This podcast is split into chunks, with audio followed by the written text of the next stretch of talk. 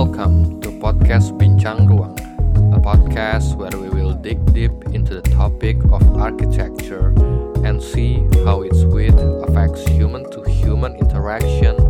Its length embodies the most complex philosophical problems, and its height affects human spirituality. Sit back and listen to how the space around you is built with multidimensional paradigm.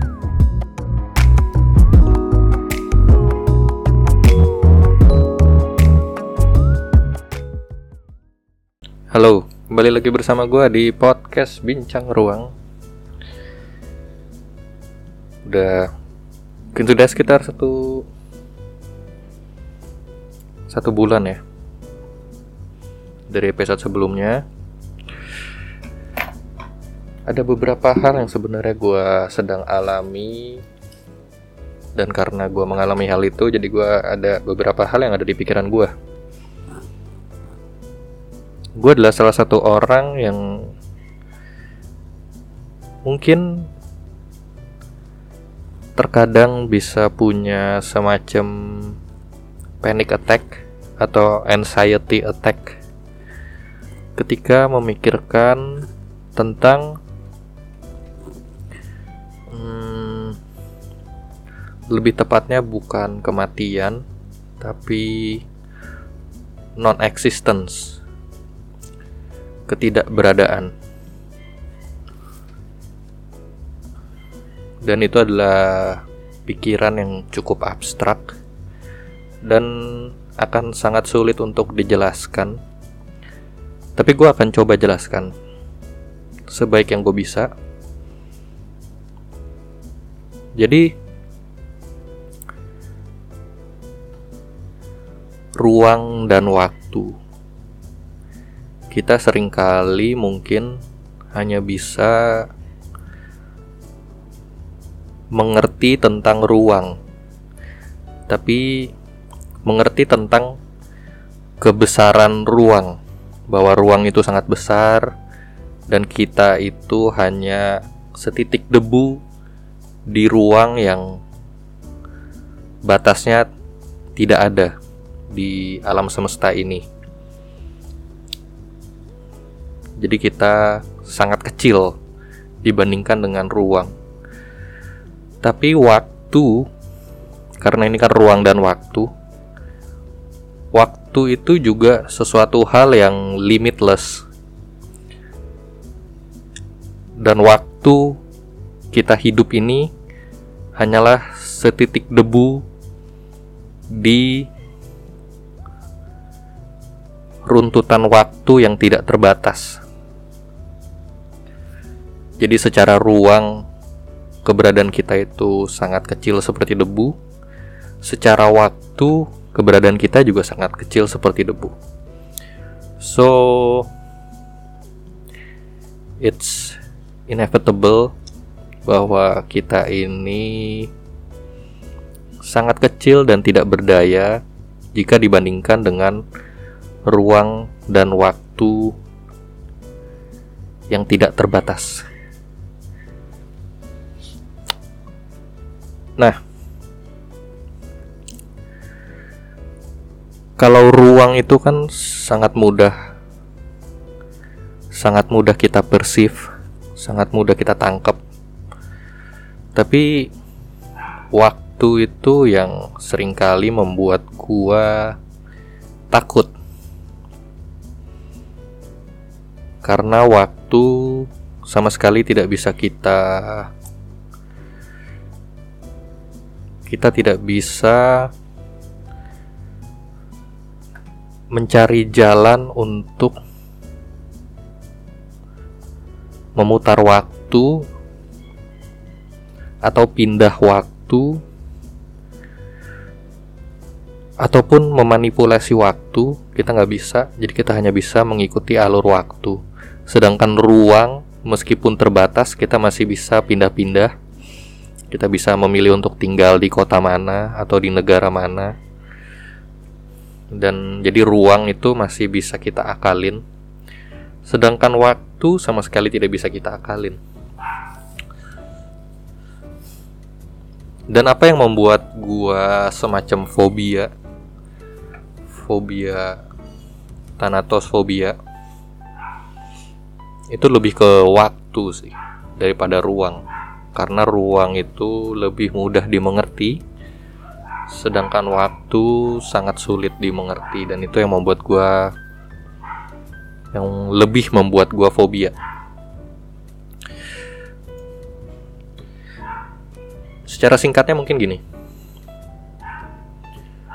Lu coba bayangin waktu lu sekarang. Sekarang lu lagi ngapain?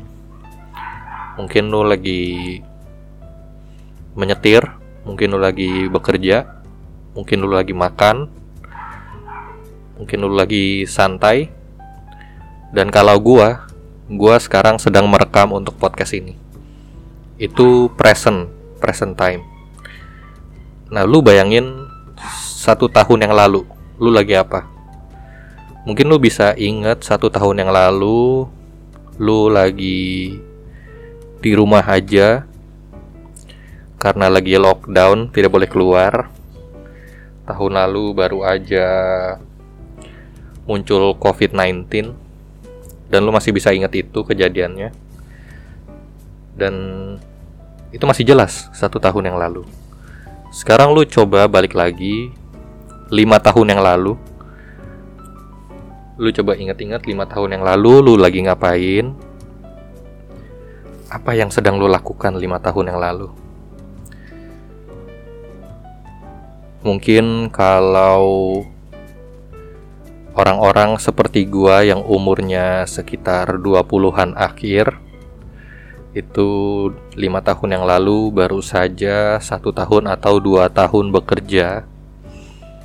Jadi baru mengumpulkan pengalaman bekerja di lima tahun yang lalu. Dan lu masih bisa menangkap waktu tersebut di lima tahun yang lalu.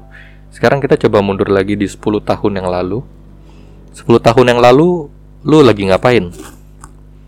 10 tahun yang lalu kalau gua pribadi itu mungkin di umur mungkin gua lagi kuliah ya, baru masuk kuliah. Gua baru masuk kuliah lagi galau tentang kehidupan, merasa hidup kuliah itu berat, tanpa tahu bahwa hidup di dunia kerja lebih berat lagi. Itu 10 tahun yang lalu dan gue masih bisa ingat kita masih bisa menangkap waktu di 10 tahun yang lalu. Sekarang balik lagi coba ke 30 tahun yang lalu. Lu lagi ngapain 30 tahun yang lalu?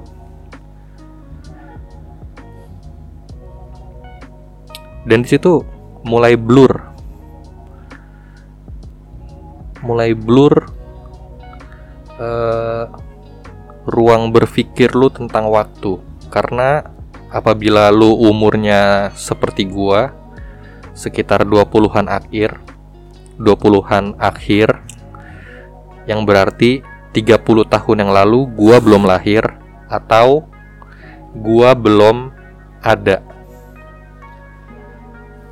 Lu nggak bisa nangkep waktu di 30 tahun yang lalu. Karena lu belum ada. Simple. Sekarang kalau kita tarik lagi lebih jauh 100 tahun yang lalu lu lagi ngapain? Dan lu coba ingat-ingat 100 tahun yang lalu lagi ngapain? Dan yang lu bisa ingat hanyalah gelap gulita, nothingness, it's an endless slumber of sleep, of nothing and blackness. So there's nothing about you a hundred years ago. Dan lu coba mundur lagi di 100 tahun yang lalu mungkin sekarang 2021 berarti itu kita masih dijajah mungkin ya 100 tahun yang lalu belum ada negara Indonesia bahkan jadi kita bisa bisa tahu 100 tahun yang lalu tuh sedang terjadi apa. Tapi lu lagi di mana ketika kejadian itu terjadi? Lu nggak ada. Dan lu bisa tarik mundur lagi, mundur lagi, mundur lagi. Seribu tahun yang lalu, seribu tahun yang lalu lagi lagi ngapain? 2000 tahun yang lalu kerajaan Roma sudah berdiri di 2000 tahun yang lalu lu mundur lagi 4000 tahun yang lalu 4000 tahun yang lalu kerajaan Mesir udah ada 4000 tahun yang lalu itu sangat lama dan kita bisa tahu bahwa 4000 tahun yang lalu kerajaan Mesir tuh sudah berdiri. Lu lagi di mana saat itu? dan lu nggak bisa inget apa-apa karena lu belum ada. You are not exist yet. Dan lu bisa tarik terus 10.000 tahun yang lalu lu lagi apa? Sampai ke dan ini yang berapa juta tahun yang lalu itu zaman dinosaurus dinosaurus merajalela di bumi ini. Lu tahu nggak sih berapa lama dinosaurus merajalela di bumi ini sebelum akhirnya punah? Jadi dinosaurus itu sangat lama merajalela di bumi sampai-sampai dinosaurus yang hidup di akhir masa di akhir masa dinosaurus lebih secara timeline ya kalau kita tarik garis waktu tarik garis waktu. Oke lu lu bisa bayangin sebuah garis waktu kronologis. Di sebelah kanan garis itu adalah present time dan semakin ke kiri semakin ke kiri itu semakin masa lalu oke Lu bisa bayangin satu garis, sebelah kanan adalah present time, semakin ke kiri itu adalah semakin masa lalu. Dan dinosaurus yang hidup di akhir masa di akhir masa era dinosaurus lu bayangin itu titiknya di tengah-tengah garis tersebut. Oke. Okay? Jadi dinosaurus yang hidup di titik tengah garis tersebut itu lebih dekat hidupnya ke zaman sekarang dibanding ke zaman pertama kali dinosaurus ada di bumi. Jadi sepanjang itu dinosaurus merajalela di bumi. Setengah garis itu. Dan dibandingin setengah garis itu manusia itu baru sangat sedikit sekali masa hidupnya. Kebayang gak sih? Ini menjelaskan tanpa visual itu sangat susah. Tapi gue ingin mencoba menjelaskan bahwa time is limitless, the vastness of time. Dan di zaman dinosaurus lu lagi ngapain? Lu nggak bisa inget. Itu cuman endless darkness. Lu belum ada lu cuma bisa ingat everything is dark. There are nothing.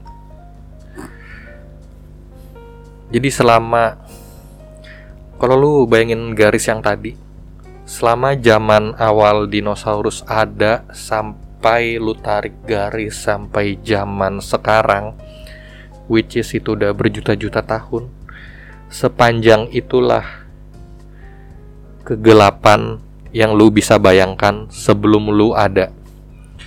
It's very long. Kayak gue banding, uh, eh, gue ngebayangin 20 tahun lalu aja memori gue itu udah sangat scattered. 20 tahun lalu gue lagi ngapain ya? Mungkin gue masih anak SD yang belum tahu apa-apa. Dan gue nggak ingat gue lagi ngapain. Ingatan gua 20 tahun yang lalu yang sudah sangat scattered tersebut kalau dibandingin dengan betapa luasnya waktu berjuta-juta tahun sepanjangnya sejarah waktu itu bukan apa-apa gitu. Dan sepanjang sejarah tersebut berjalan gua belum ada. Dan sepanjang sejarah berjalan itu yang gua ingat hanyalah kegelapan ketiadaan nothingness limitless nothingness.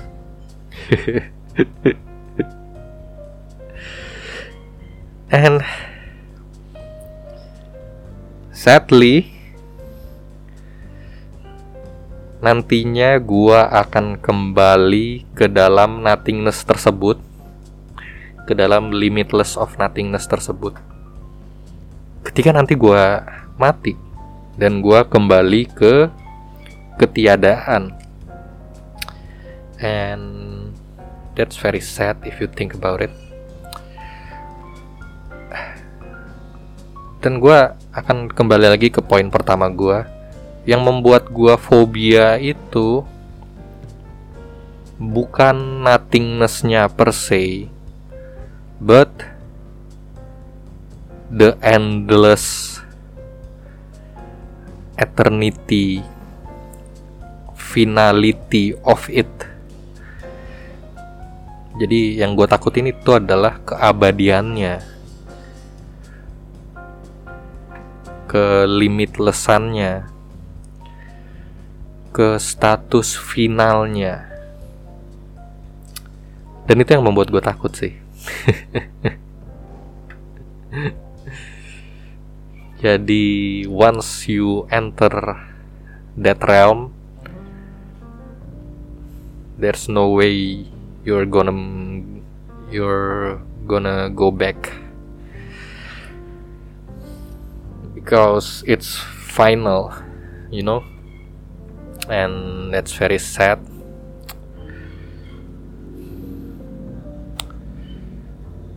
Dan waktu akan terus berjalan setelah lu tidak ada sampai berjuta-juta tahun.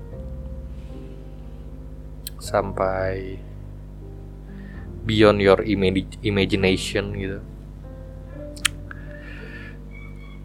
Jadi apa yang tadi gue coba jelasin adalah di present time lu bisa tahu bahwa masa lalu sebelum present time ini sangat sangat panjang ketika lu tarik tadi 5 tahun yang lalu, 10 tahun yang lalu, 100 tahun yang lalu, 500 tahun yang lalu, 2000 tahun yang lalu, sampai jutaan tahun yang lalu. Waktu itu sangat panjang dan lu bisa tarik terus sampai lahirnya planet bumi, lahirnya galaksi Bima Sakti dan lain-lain. Dan itu sangat limitless dan lu bisa trace back sampai Big Bang sampai the birth of this universe. Itu sangat limitless, sangat vast, sangat luas dan seluas itulah juga future time ketika lu sudah tidak ada. Dan selimitless itulah juga ketiadaan lu ketika lu nanti sudah kembali ke bumi. So, ini sangat abstrak dan ya sangat sulit menjelaskan sih gue harap lu semua bisa ngerti. And itu yang menyeramkan yang membuat gue fobia membuat gue sering kali punya panic attack atau anxiety attack. Finality akan itu dan kesadaran bahwa waktu ini sangat luas sangat fast sangat limitless dan ketika lu bisa menangkap menangkap itu dan mengerti tentang itu you'll be afraid you'll be anxious. And yeah that's it. And hmm, even kalau ada heaven and hell atau ada afterlife which is kita semua mungkin sepakat bahwa afterlife itu eternal. That's still a scary concept to perceive if you can perceive about it. Because kembali lagi ke yang tadi karena itu juga endless itu juga limitless itu juga final the finality of it. It's what makes me afraid. So even if there is there are heaven and hell as long as it is eternal it's still fucking scary you know and ketika tadi lu udah bisa mengerti gua harap lu mengerti. Ketika lu udah bisa mengerti the vastness of time luasnya waktu limitlessnya waktu ketika lu udah bisa nangkep itu lu mulai bisa bayangin. Ketika lu hidup eternally in heaven or in hell Lu bisa bayangin lu hidup di sana berjuta-juta tahun. You cannot. Because your mind cannot perceive time as fast as that. Lu ngebayangin zaman dinosaurus yang sudah jutaan tahun yang lalu aja lu mulai kesulitan ngebayanginnya betapa lamanya itu di masa lalu. Jadi lu nggak bakal bisa ngebayangin kehidupan lu yang abadi di afterlife nanti karena abadi. lu lu bisa bayangin abadi gimana? Lu ngapain di sana? Apakah ketika kita sudah di afterlife kita akan berlutut menyembah Tuhan sampai selama-lamanya. selama-lamanya berlutut menyembah Tuhan. Apa yang indah dari itu? Apa yang apa yang sukacita dari itu? Lu berlutut selama-lamanya, bukankah itu siksaan? Bukankah itu lu berlutut menyembah makhluk lain selama-lamanya. Lu lu bisa ngerti kalimat itu nggak? And that's very scary, you know. Bukankah itu gue nggak tahu kenapa orang happy tapi itu some scary shit to think apakah ketika lu ada di surga lu akan berdoa selama-lamanya.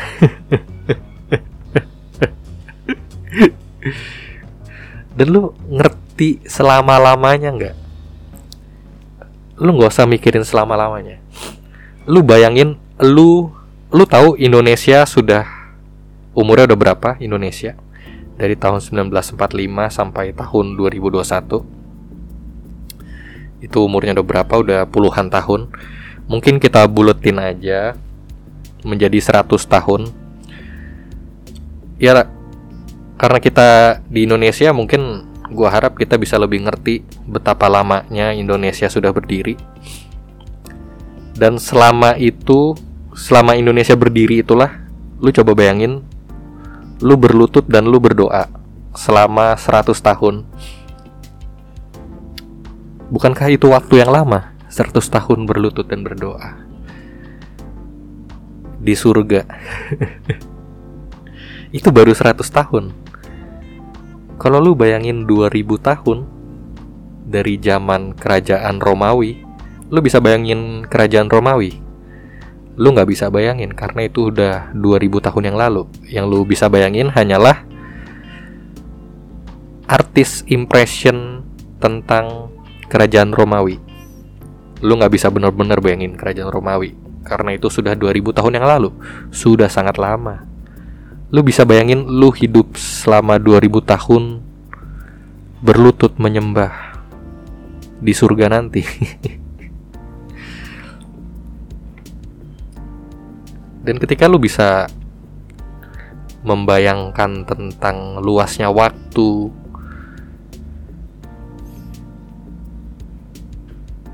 itu sangat serem sih.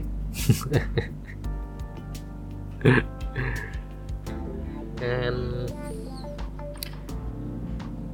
ya, gue nggak tahu. Atau tentang endless darkness kegelapan yang selamanya sama seperti sebelum lu lahir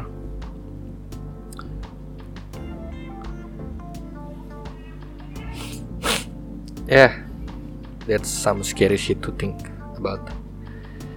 And dan kenapa gua bisa mikirin hal ini? Akhir-akhir ini mungkin karena gua lagi berjuang melawan COVID-19 dan ya lu isolasi mandiri dan dua minggu terasa lama sekali. Ketika lu sendirian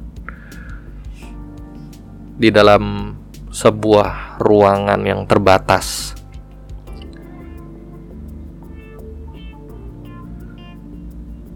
dan pikiran lu hanya bisa menangkap selama itu gitu. Bahwa dua minggu itu terasa sangat lama ketika lu sedang isolasi dan lu tidak bisa ngapa-ngapain. Ketika nanti lu sudah terisolasi di afterlife selama dua minggu can you think about it? Selama dua minggu aja lu terisolasi di afterlife ketika lu mati nanti. Itu sangat sangat sepi. Ya sangat lonely sangat menyedihkan. Dan gue nggak tahu apa yang happy tentang kematian. Apa yang Kenapa orang sangat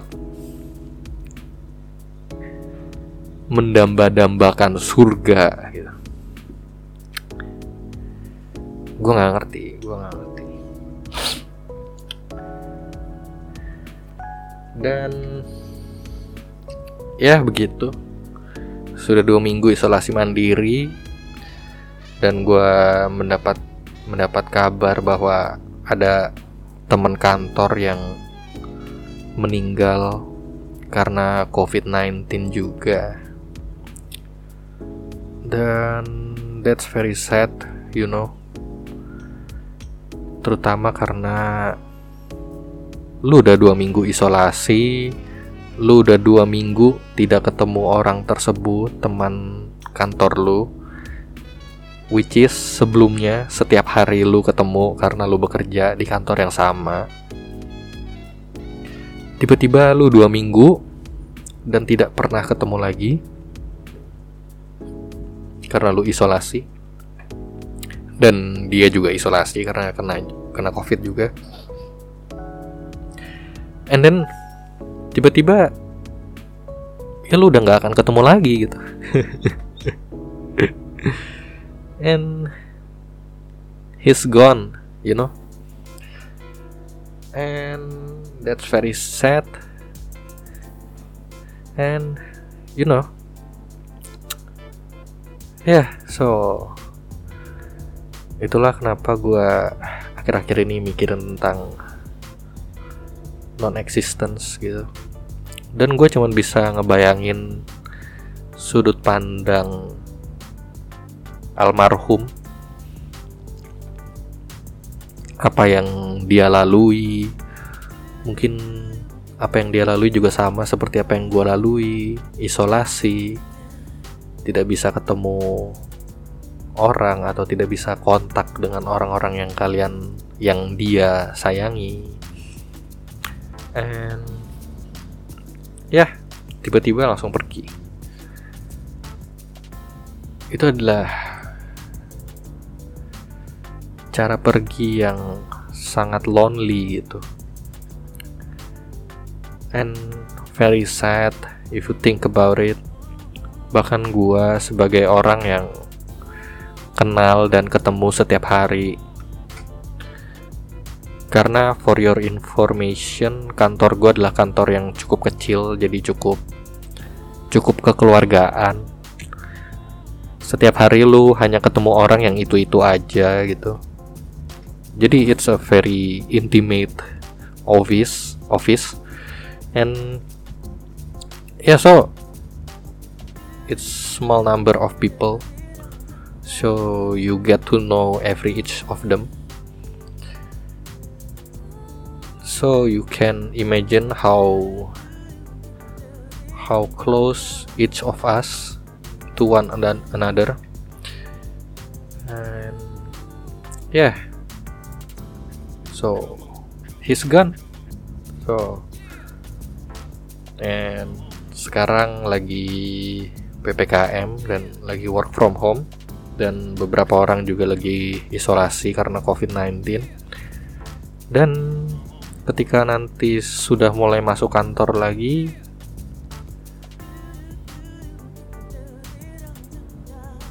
almarhum udah nggak akan ada di sana gitu. Jadi terakhir terakhir kita semua ketemu beliau ketemu almarhum adalah dua minggu yang lalu atau tiga minggu yang lalu. Dan bahkan kita nggak bisa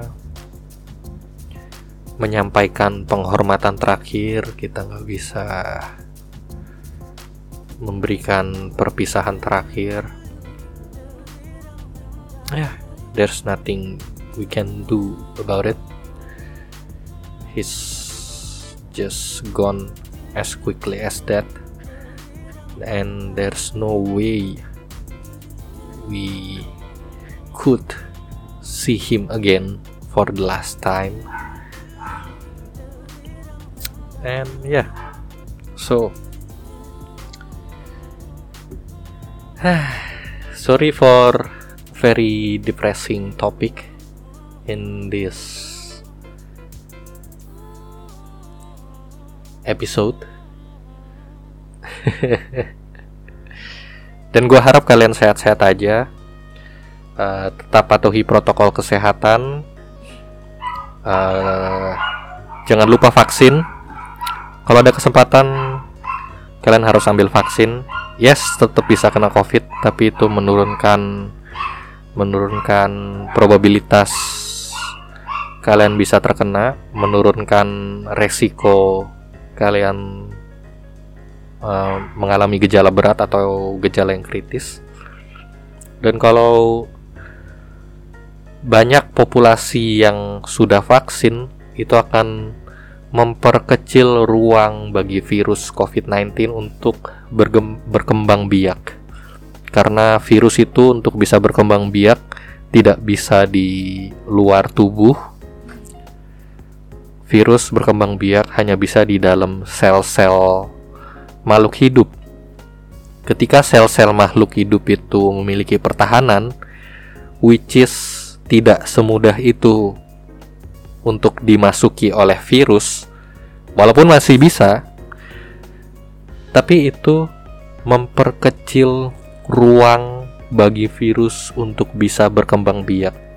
Dan itulah yang disebut sebagai herd immunity dan harapannya virus COVID-19 tidak bisa berkembang biak secara leluasa lagi dan COVID-19 akan berkurang jumlahnya dan keadaan jadi akan aman lagi. Jadi itulah pentingnya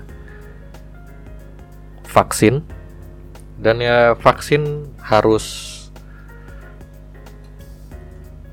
harus seluruh populasi divaksin sih menurut gue baru bisa efektif karena kondisinya ini apa yang gue alami ya